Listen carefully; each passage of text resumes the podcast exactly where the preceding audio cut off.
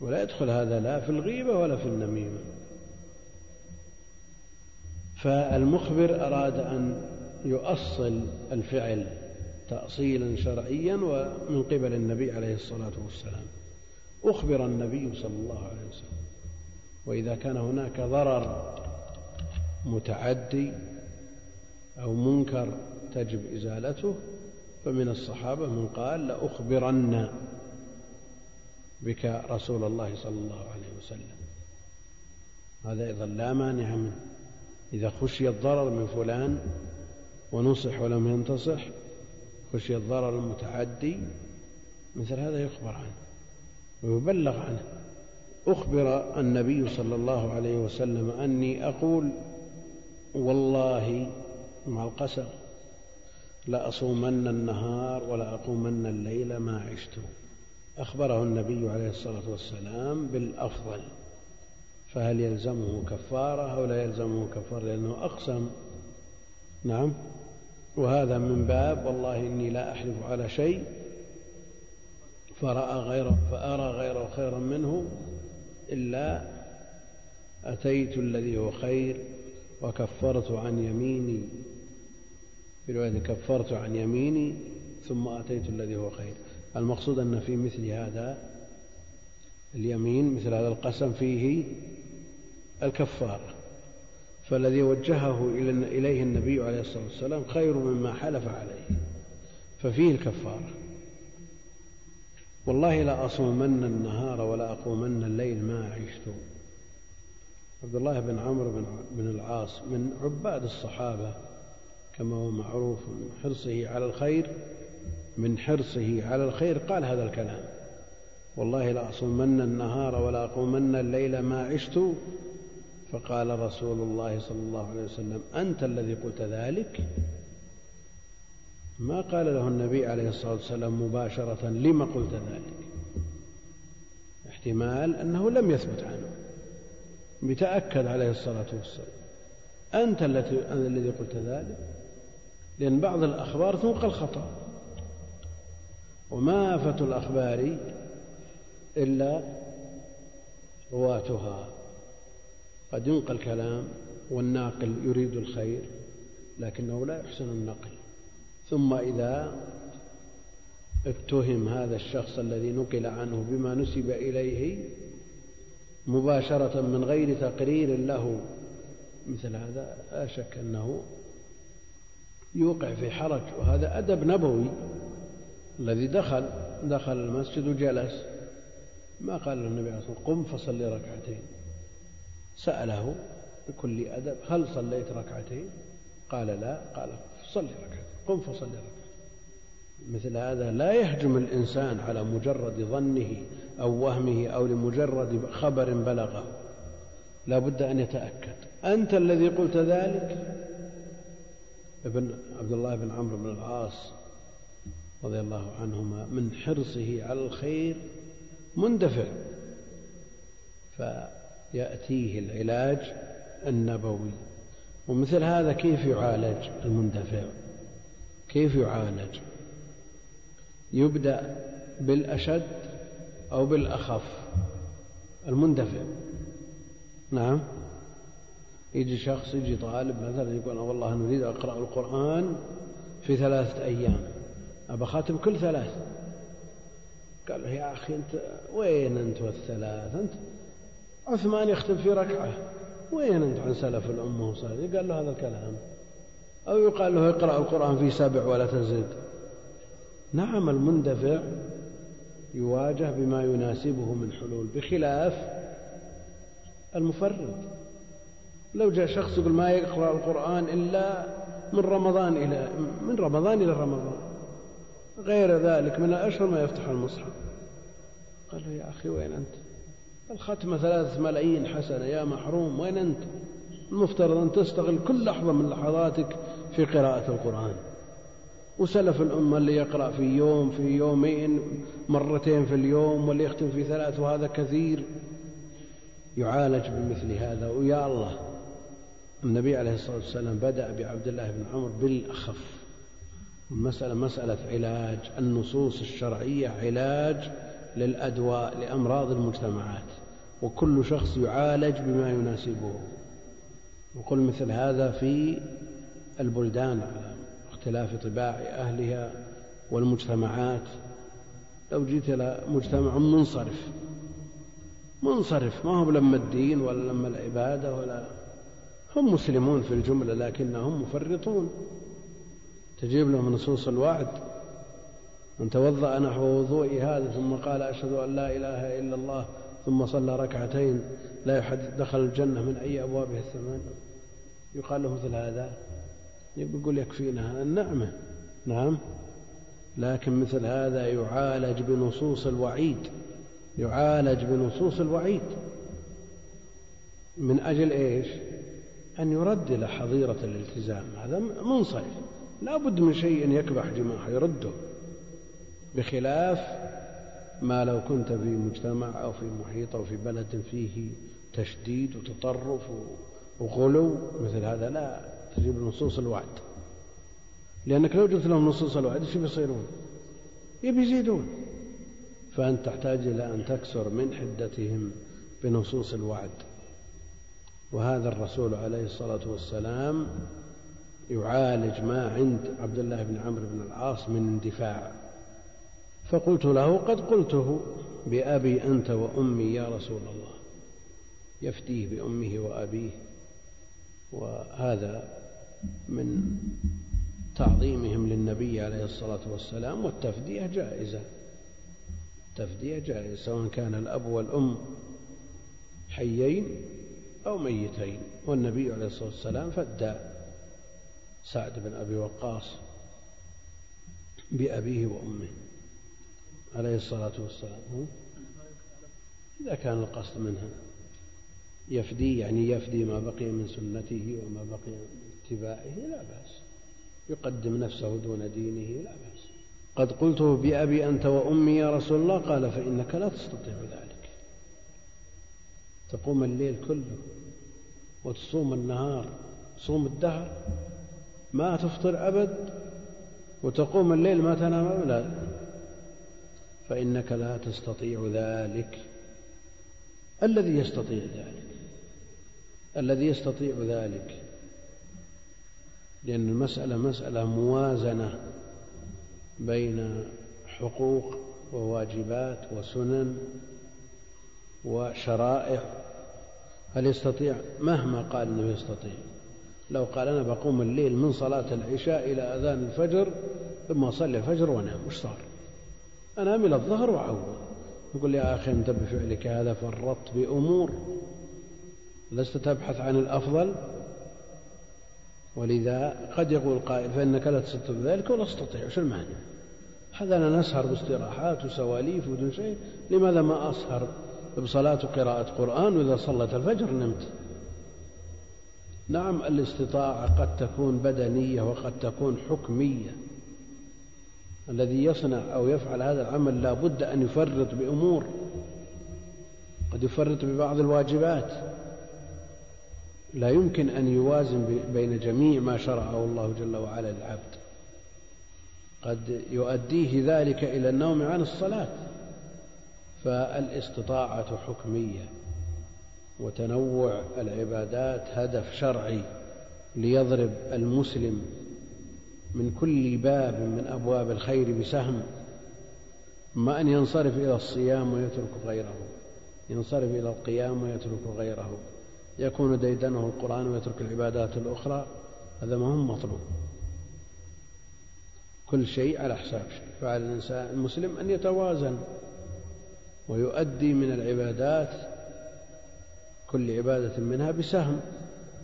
فإنك لا تستطيع ذلك فصم وأفطر وقم ونم. يعني نوع. صم وأفطر ونم وقم أو قم ونم. اجمع بين هذا وهذا. وناشئة الليل يقرر أهل العلم أنها أفضل أنواع القيام. وهي أشدها على الإنسان وهي القيام بعد نوم. نعم الذي يسهر وإذا بقي من الليل شيء قام فصلى ما كتب له ثم صلى صلاة الصبح وجلس ينتظر ارتفاع الشمس في مصلاه يذكر الله جل وعلا. على خير عظيم لكن يبقى أنه لا بد أن يفرط بشيء إذا كان الليل كله من غير نوم. هذا إذا كان استغلاله بالخير بالصلاة والذكر والتلاوة. أما إذا كان استغلاله بالمباح من القيل والقال أو بالمكروه أو بالمحرم فإن هذا أثره ظاهر. قد يسهر الإنسان خمس ست بعد صلاة الصبح ست ساعات ثم إذا أراد أن يوتر صاحي ما في شيء ما فيه نوم. يريد أن يوتر. يعني المفترض شاب ونشيط ومقبل يعني من أهل الخير والرغبة. يوتر يوتر يعني على الصفة النبوية لكنه يجاهد نفسه على الوتر على أي وصف كان بأي عدد كان وأحيانا ينام من غير وتر. لماذا؟ لأن وقته مشغول بما لا ينفع. لكن لو شغل وقته بما ينفع لأن العبادة تعين على العبادة والطاعة تعين على الطاعة.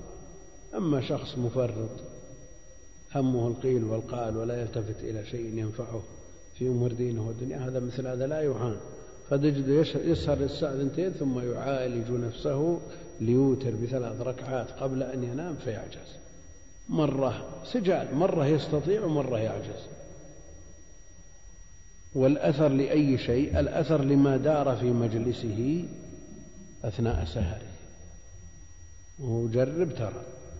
إن كان اللي دار في المجلس والله مجلس علم فضل وذكر وتخلله بعض الكلام والسواليف اللي المباحة وكذا يعان لا بأس.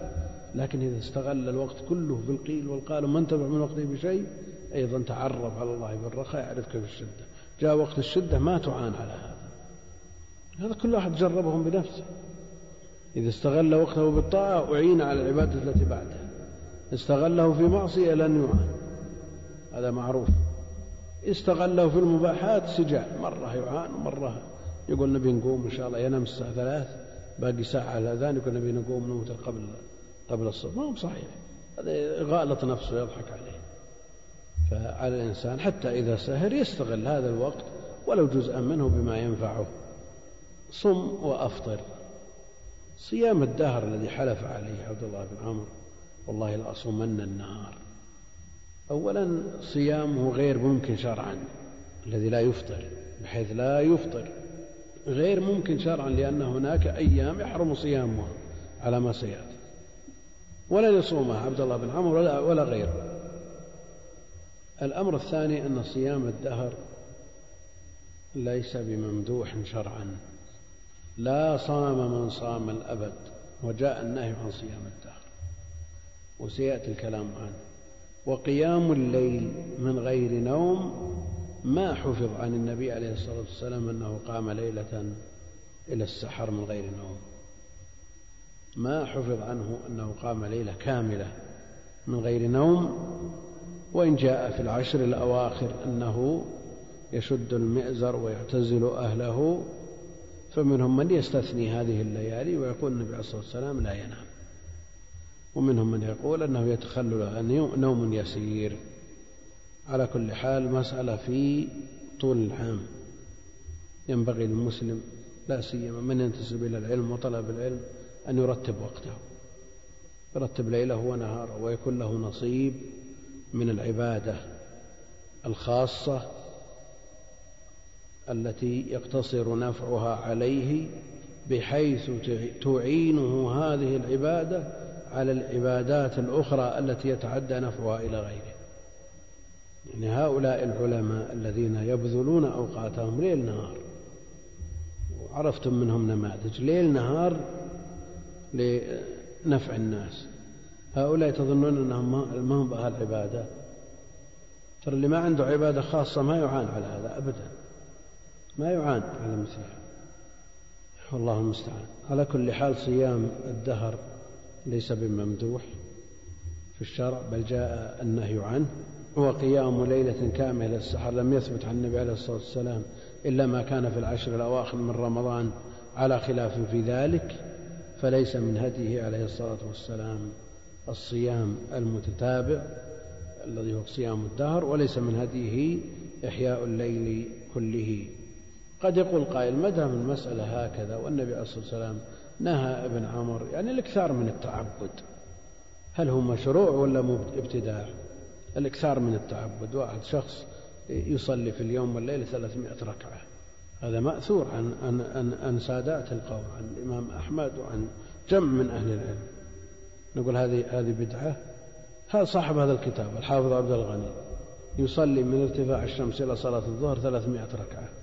نقول مبتدع نعم ويعلم الناس العلم ويلقن حتى الصبيان القرآن تلقين يعني ظهر ضرب من كل سهم من أبواب الخير بسهم وهذا أعانه على أداء هذا.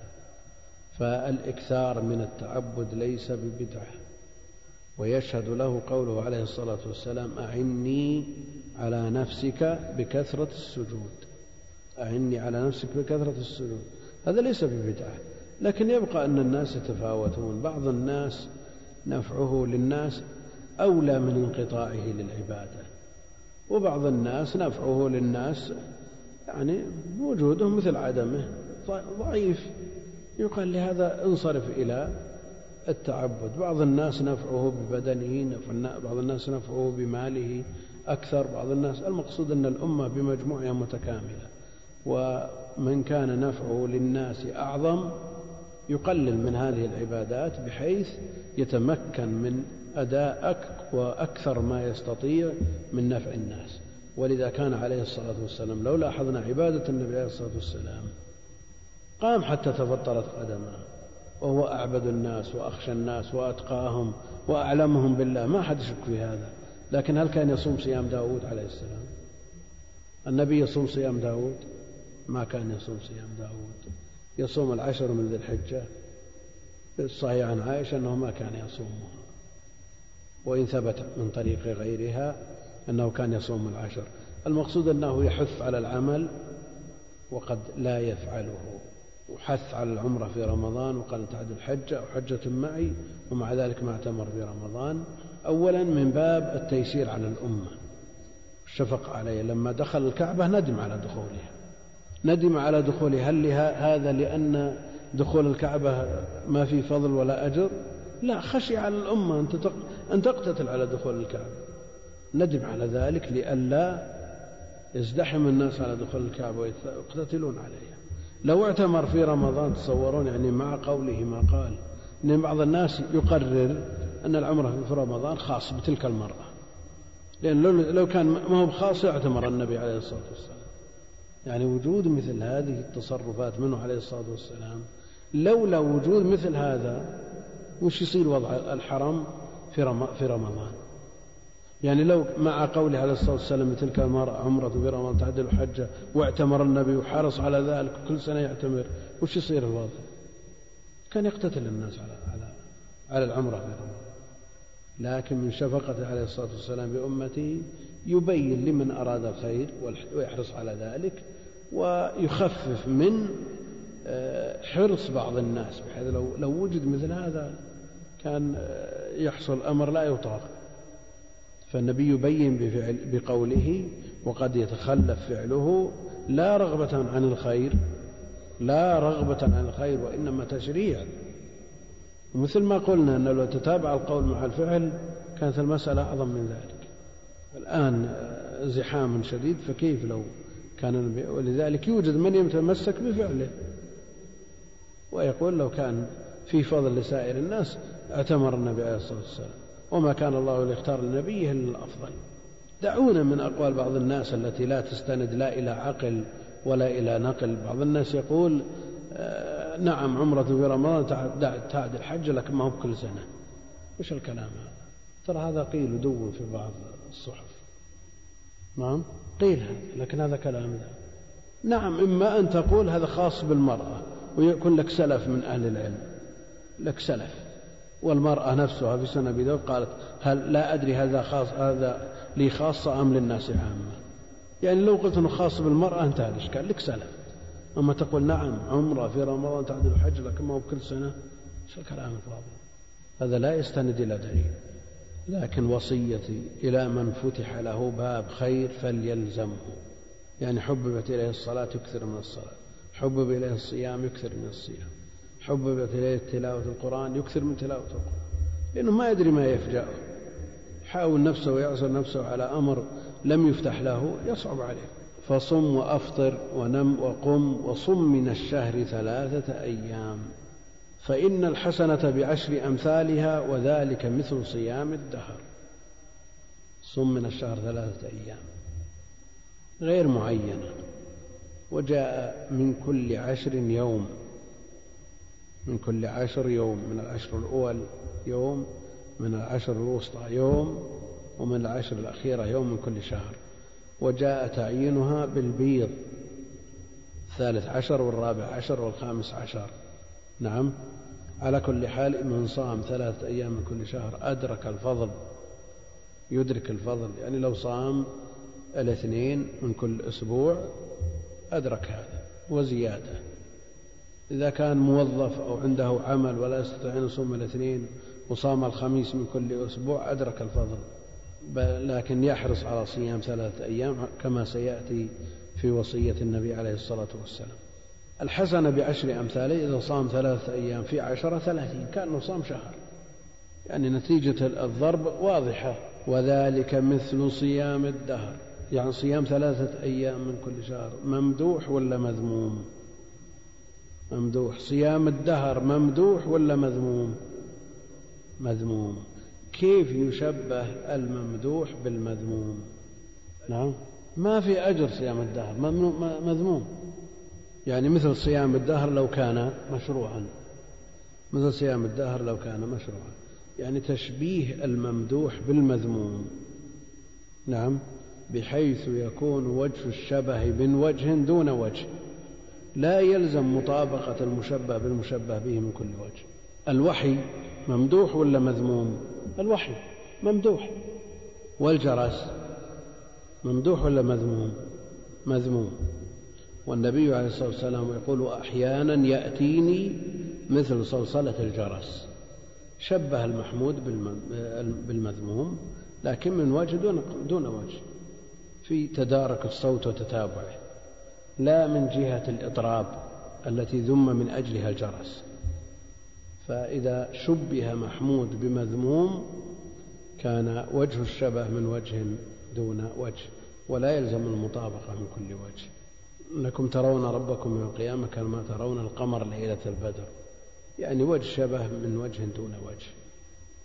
تشبيه الرؤية بالرؤية لا المرئي بالمرئي وقل مثل هذا في أحاديث كثيرة لو فصلناها طال الوقت. مثل من أوضح ذلك حديث البروك. إذا صلى أحدكم فلا يبرك كما يبرك البعير وليضع يديه قبل ركبتيه. وليضع يديه قبل ركبتيه.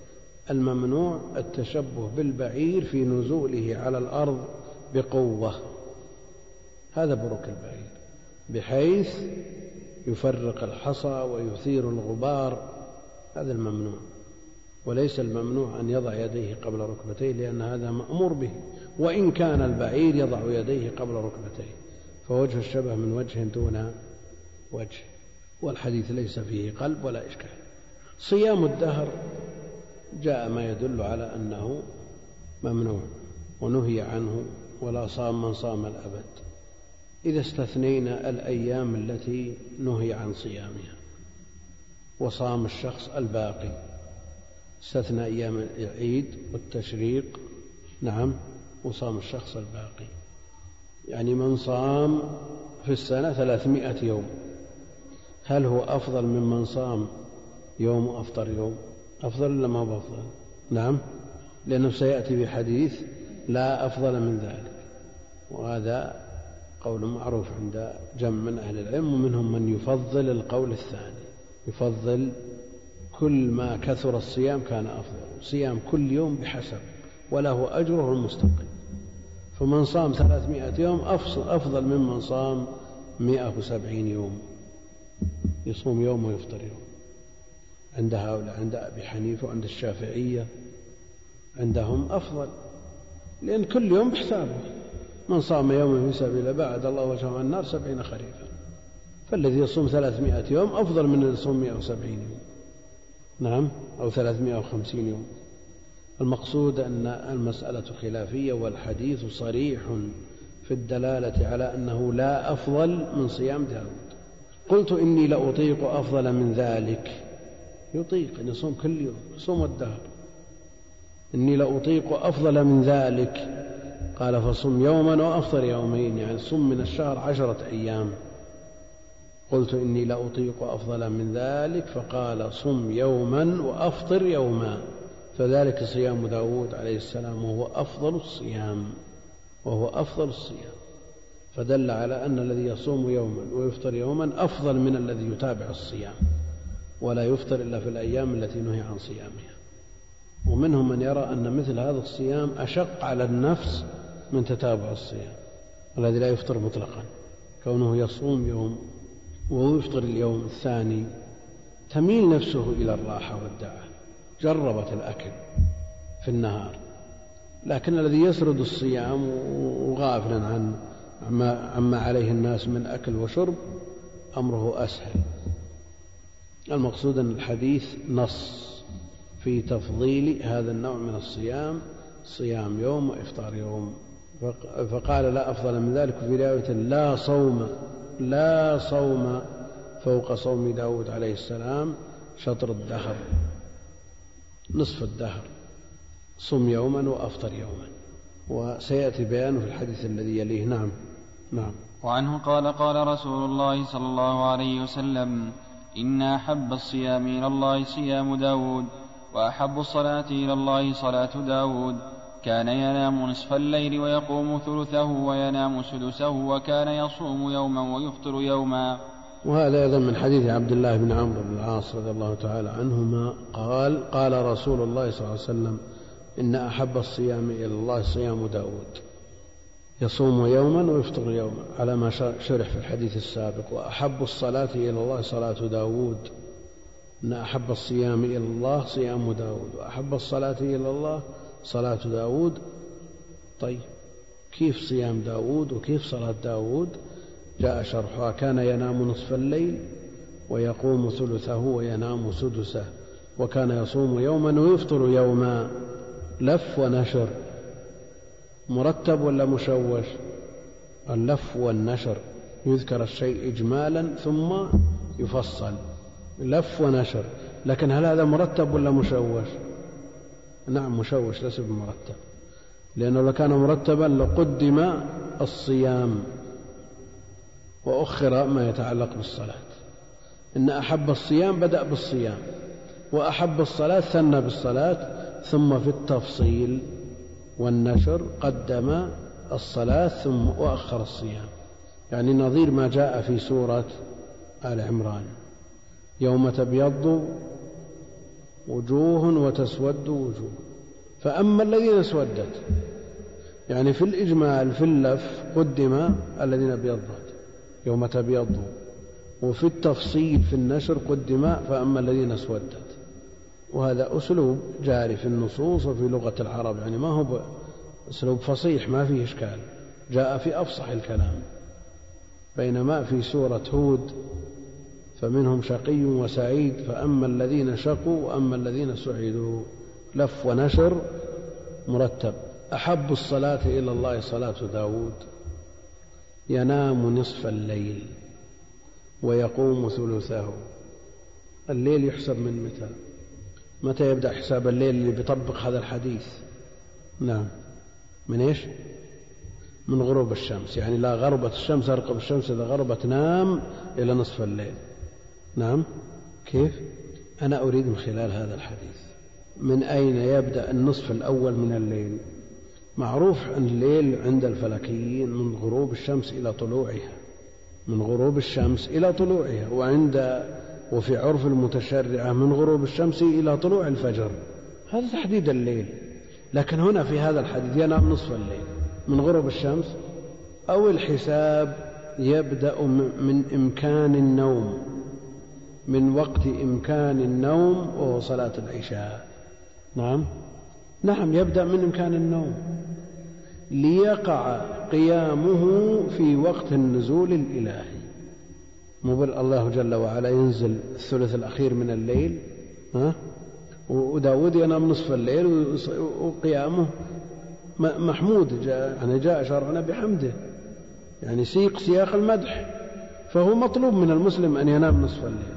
لكن إذا نام نصف الليل وانتبه الساعة 12 مثلا بقي على الثلث الأخير ساعة أو أكثر من ساعة. بقي ساعة ونصف مثلا على الثلث الأخير. يكون قيامه في النزول الإلهي أو قبل النزول الإلهي. هو يبي يدرك النزول لكن كون القيام كله في الثلث الأخير أفضل.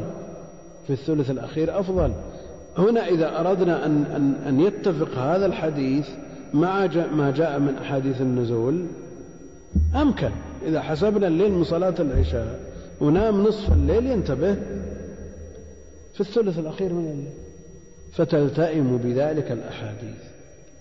لأن بعض الناس وده يجمع النصوص كلها. فكونه ينام نصف الليل يعني ينتهي نومه الساعة كم؟ في هذه الأيام يمكن 11 كم؟ إيه 11 ونصف. 11 ونصف ينتهي نصف الليل. لكن إذا حسب النصف من بعد صلاة العشاء من إمكان النوم من ثمان ونصف مثلا نعم يبي يمتد معه الوقت إلى ثنتين تقريبا إلى ثنتين. يبدأ الثلث الأخير من الليل فيكون نام نصف الليل وامتد إلى آه، إلى وقت النزول الإلهي. وشيخ الإسلام رحمه الله تعالى في حديث النزول أشار إلى شيء من هذا أن بداية الليل تختلف من نص إلى نص. ينام نصف الليل ويقوم ثلثه. ينام نصف الليل ينام إذا اعتبرنا من كم أذن الفجر الآن؟ أربعة وربع؟ كم؟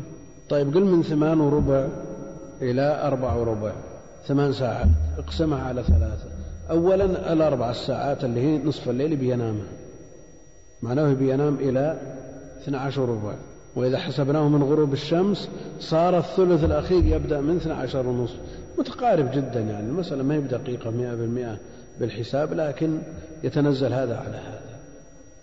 ثم بعد ذلك يقوم ثلثه ويصلي ثلث الليل. يصلي ثلث الليل. لكن من من طلاب العلم يصلي ثلث الليل؟ إلا القليل النادر.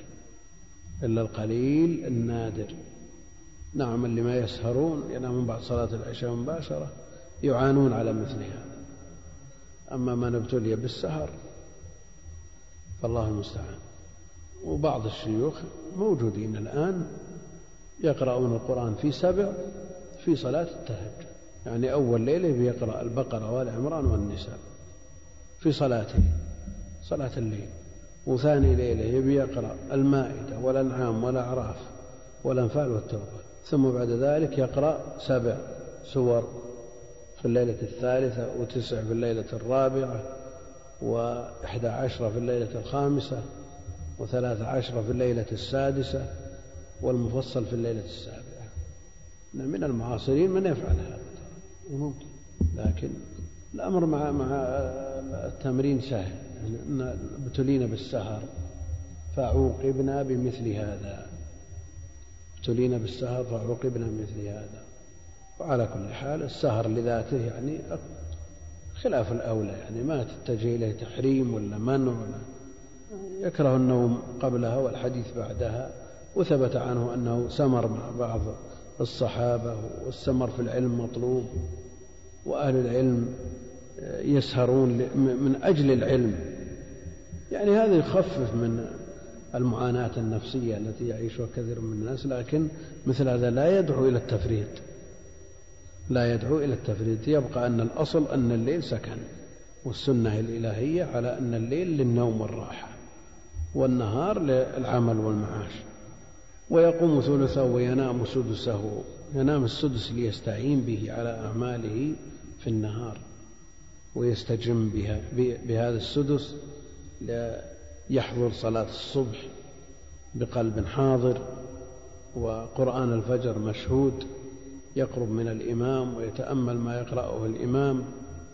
وابن القيم بين أهمية القرب من الإمام وحضور القلب في صلاة الفجر. يعني من أراد تفصيل هذا يرجع إلى طريق الهجرتين. وينام سدسه. هذا بالنسبة للقيام وأما بالنسبة للصيام الذي هو أفضل الصيام وكان يصوم يوما ويفطر يوما وهذا هو أفضل الصيام. وأشقه على النفس. شاق على النفس. كان ابن عمر بعد هذا يجمع الأيام يصوم عشرة أيام ثم يفطر عشرة أيام يستجم ويستريح. وتمنى أن لو قبل وصية النبي عليه الصلاة والسلام لكنه لا يترك شيئا آه، عهده عليه النبي عليه الصلاة والسلام. ونعم الرجل عبد الله يعني بالمقابل عبد الله بن عمر نعم الرجل عبد الله لو كان يقوم من الليل. فكان ابن عمر ها لا ينام من الليل إلا قليلا بعد ذلك. هذا امتثال ورغبة في الخير. لكن اسمع من هذه الأحاديث وما هو أشد من هذه الأحاديث وانظر في نفسك هل يؤثر فيك أو لا يؤثر؟ اختبر نفسك. هل أنت بالفعل طالب علم ولا ما أنت طالب علم؟ إيش الفائدة من العلم الذي لا يدل على العمل؟ والله ما كأننا نسمع مثل هذا الكلام. والسبب في ذلك الاسترسال في المباحات الذي جرنا إلى ارتكاب المكروهات. وإذا وقع منا شيء من ما حرمه الله جل وعلا ما أثر فينا ولا خفنا ولا وجلنا وهذا الذي جعلنا نتساهل في مثل هذه الأمور. نعم. وعن أبي هريرة رضي الله عنه قال أوصاني خليلي صلى الله عليه وسلم بثلاث صيام ثلاثة أيام من كل شهر وركعتي الضحى وأن أوتر قبل أن أنام. النبي عليه الصلاة والسلام أوصى بعض أصحابه بهذه الوصايا فممن أوصاهم أبو هريرة وأبو ذر وأبو الدرداء. وهنا يقول أبو هريرة رضي الله عنه قال أوصاني خليلي رسول الله صلى الله عليه وسلم والخلة نهاية المحبة وغايتها تخللت إلى أن ولجت إلى الفؤاد والنبي عليه الصلاة والسلام يقول لو كنت متخذا خليلا اتخذت أبا بكر خليلا. وأبو هريرة يقول أوصاني خليلي. فالممنوع أن يتخذ النبي عليه الصلاة والسلام خليلا غير الله جل وعلا. كونه يتخذ من قبل بعض أصحابه لا بأس. ولهذا قال أبو هريرة أوصاني خليلي. رسول الله صلى الله عليه وسلم بثلاث خصال صيام ثلاثة أيام من كل شهر يعني والحسنة بعشر أمثالها فيكون كأنه صام الدهر. وهذا سبق في حديث عبد الله بن عمرو ركعتي الضحى. ركعتي الضحى. أوصى بها أبا هريرة وغيره. وتكفي من جميع الصدقات. المطلوبة في مقابل كل عضو من أعضاء الإنسان. يصبح على كل سلامة منكم صدقة والسلامة المفاصل ومقدارها ثلاثمائة وستين. فعلى الإنسان أن يتصدق بثلاثمائة وستين صدقة كل يوم ليقوم بشكر هذه المفاصل. ثلاثمائة وستين صدقة من أجل إيش؟ أن يقوم بشكر هذه المفاصل وجاء بيان هذه الصدقات بالأقوال والأعمال الصالحة ومنها الذكر. كل تسبيحة صدقة كل تهليلة صدقة كل تحميدة صدقة. إذا اجتمع من عندك 360 شكرت هذه النعمة. يعني تصلح بين اثنين تعين تحمل عاجزا على دابته أو تعينه في حمل متاعه. المقصود أنك تنفع الناس صدقات هذه. لكن هناك صدقات ما تكلف شيء وأنت جالس. كل تسبيحة صدقة كل تهليلة صدقة كل تحميدة صدقة كل تكبيرة صدقة. فضل الله واسع. يعني إذا قلت مع أذكار الصباح لا إله إلا الله وحده لا شريك له إلى آخر مئة مرة وجاء الحث على هذا. وفيه رفع الدرجات ومحو السيئات وحرز من الشيطان حتى تمسي. وقلت سبحان الله وبحمده مئة مرة. حطت عنك خطاياك من كانت من زبد البحر. وقلت سبحان الله وبحمده سبحان الله العظيم. كلمتان خفيفتان على اللسان. إلى آخره واجتمع من ذلك 360 نعمة وهذا لا يكلفك شيء. كل هذا ما يحتاج ولا ربع ساعة. ويكفي عن ذلك أو من ذلك ركعتان تركعهما من الضحى. يكفي. فهذا يدل على المداومة على صلاة الضحى؟ والنبي عليه الصلاة والسلام ما داوم عليه. لكن بوصاياه وبمثل هذا الحديث تثبت مشروعية المداومة على صلاة الضحى. قد يقول قائل إذا كانت هاتان الركعتان كافيتين في الصدقة عن هذه السلامة ليش تصدق؟ وليش أسبح وأهلل. يكفي ركعتين خلاص. نقول يا أخي يا محروم. صلي ركعتين. إيش يضرك أن تقول سبحان الله وبحمده؟ سبحان الله العظيم. إيش يضرك؟ ما الذي يضيرك أن تأتي ببقية الأذكار ولسانك رطب بذكر الله. سرا وجهارا ليلا ونهارا وش اللي يمنعك؟ إلا الحرمان. اللي بيحاسب هذه النصوص بدقة. ويقول أنا فعلت. خلاص يكفي. أما الرسول قال يكفي ركعتين من صلينا ركعتين إيش بعد. قل يا محروم أنت محمل من الذنوب. ولله عليك نعم نعم. لا تستطيع عدها وأنت تعد نعمة الله لا تحصوها. هذه النعم تحتاج منك إلى شكر. خفف من ذنوبك وأد بعض ما عليك بالأذكار التي لا تكلفك شيئا. فيضيف الإنسان إلى أذكاره مثل هذه تخفف عنه التي جاء الترغيب فيها في كل صباح وفي كل مساء. مثل لا إله إلا الله وحده إذا أراد أن ينام يأتي بأذكار النوم ويقول ابن القيم إنها تبلغ نحو الأربعين.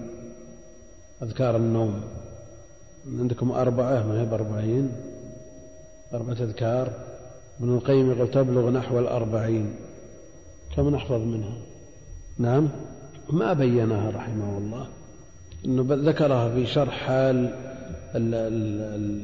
المقربين وأنهم يحرصون على أذكار النوم وهي تبلغ نحو الأربعين وشرح حالهم وطريقتهم ومنهجهم في طريق الهجرتين. يراجعه من أراد في غاية الأهمية. لكن قوله وهي تبلغ نحو الأربعين ولا بينها ولو بحثت في كتب الأذكار وفي كتب السنة ما وجدت هذا العدد. ما أدري والله عن هذا العدد أحد أحصاها ولا شيء؟ في أحد اهتم بها؟ في منكم من, من اهتم بجمعها؟ أنا سألت الشيخ رحمه الله شيخ بن باز استغرب هذا العدد قال لا هذا كثير جدا ما تبلغ هذا العدد. لكن من اهتم بها وجمعها يحرص عليها ويفيد غيره. وركعتي الضحى قد يقول قائل أنا اعتدت أن أجلس بعد صلاة الصبح وأنتظر طلوع الشمس وأصلي ركعتين. رجاء الثواب المرتب على هذا. هاتان الركعتان تكفيان عن صلاة الضحى. تكفيان عن صلاة الضحى. فإذا جلس حتى تنتشر الشمس مقتديا بالنبي عليه الصلاة والسلام. لأنه ثبت عنه أنه كان يجلس. ثم إذا ارتفعت الشمس صلى ركعتين هما ركعتا الضحى. يكون أدى ركعة الضحى وإن ثبت الأجر المرتب على ذلك وأن هذا كحجة لن يحرمه الله جل وعلا. يعني الحساب ما هو عند بشر أنت بتذكر وتقول ها ترى جلست لا تنسى هذا. لا لا كل شيء مضبوط. بس عليك أن تعمل. ما تقول والله يمكن يغفل يحسبه اللي ركعة الضحى ولا يحسبه اللي إشراق لا لا لا لا تخاف. إن ثبت الحديث كل شيء يبي يحسب لك. ولن تحرم الأجر. إن لم يثبت فأنت اقتديت بالنبي عليه الصلاة والسلام وجلست تذكر الله وتصلي عليك الملائكة ما لم تحدث ما لم تؤذي وهذا رباط. نعم. فإذا صلت ركعتي الضحى انتهى ما عليك. وإذا كنت خلال هذه المدة قرأت حزبك من القرآن سبع القرآن وحرصت أن تقرأ القرآن في سبع فأنت على خير عظيم إن شاء الله تعالى. وركعتي الضحى وأن أوتر قبل أن أنام. وأن أوتر قبل أن أنام. هذا أفضل يعني لو أخرها صار أفضل. لو أخرها إلى أن ترمض الفصال أفضل لكن كونه يصليها آه، بنية الضحى إن لم يثبت الخبر وإن ثبت الخبر صلى إذا رمضت الفصال جمع الخيرات كلها.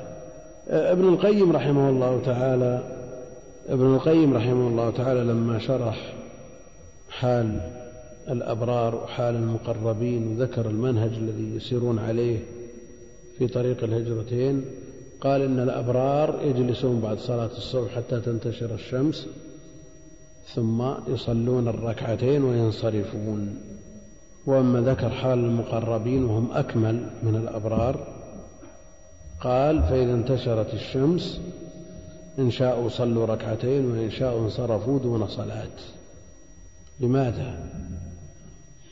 لماذا قال هذا بالنسبة للأبرار؟ وهم دونهم منزلة صلوا الركعتين وذلك إن شاءوا صلوا وإن شاءوا انصرفوا. يعني يؤخرون هاتين الركعتين. يؤخرونها. إذا هم ينصرفون إلى عبادة فوقتهم معمور بالعبادات والطاعات.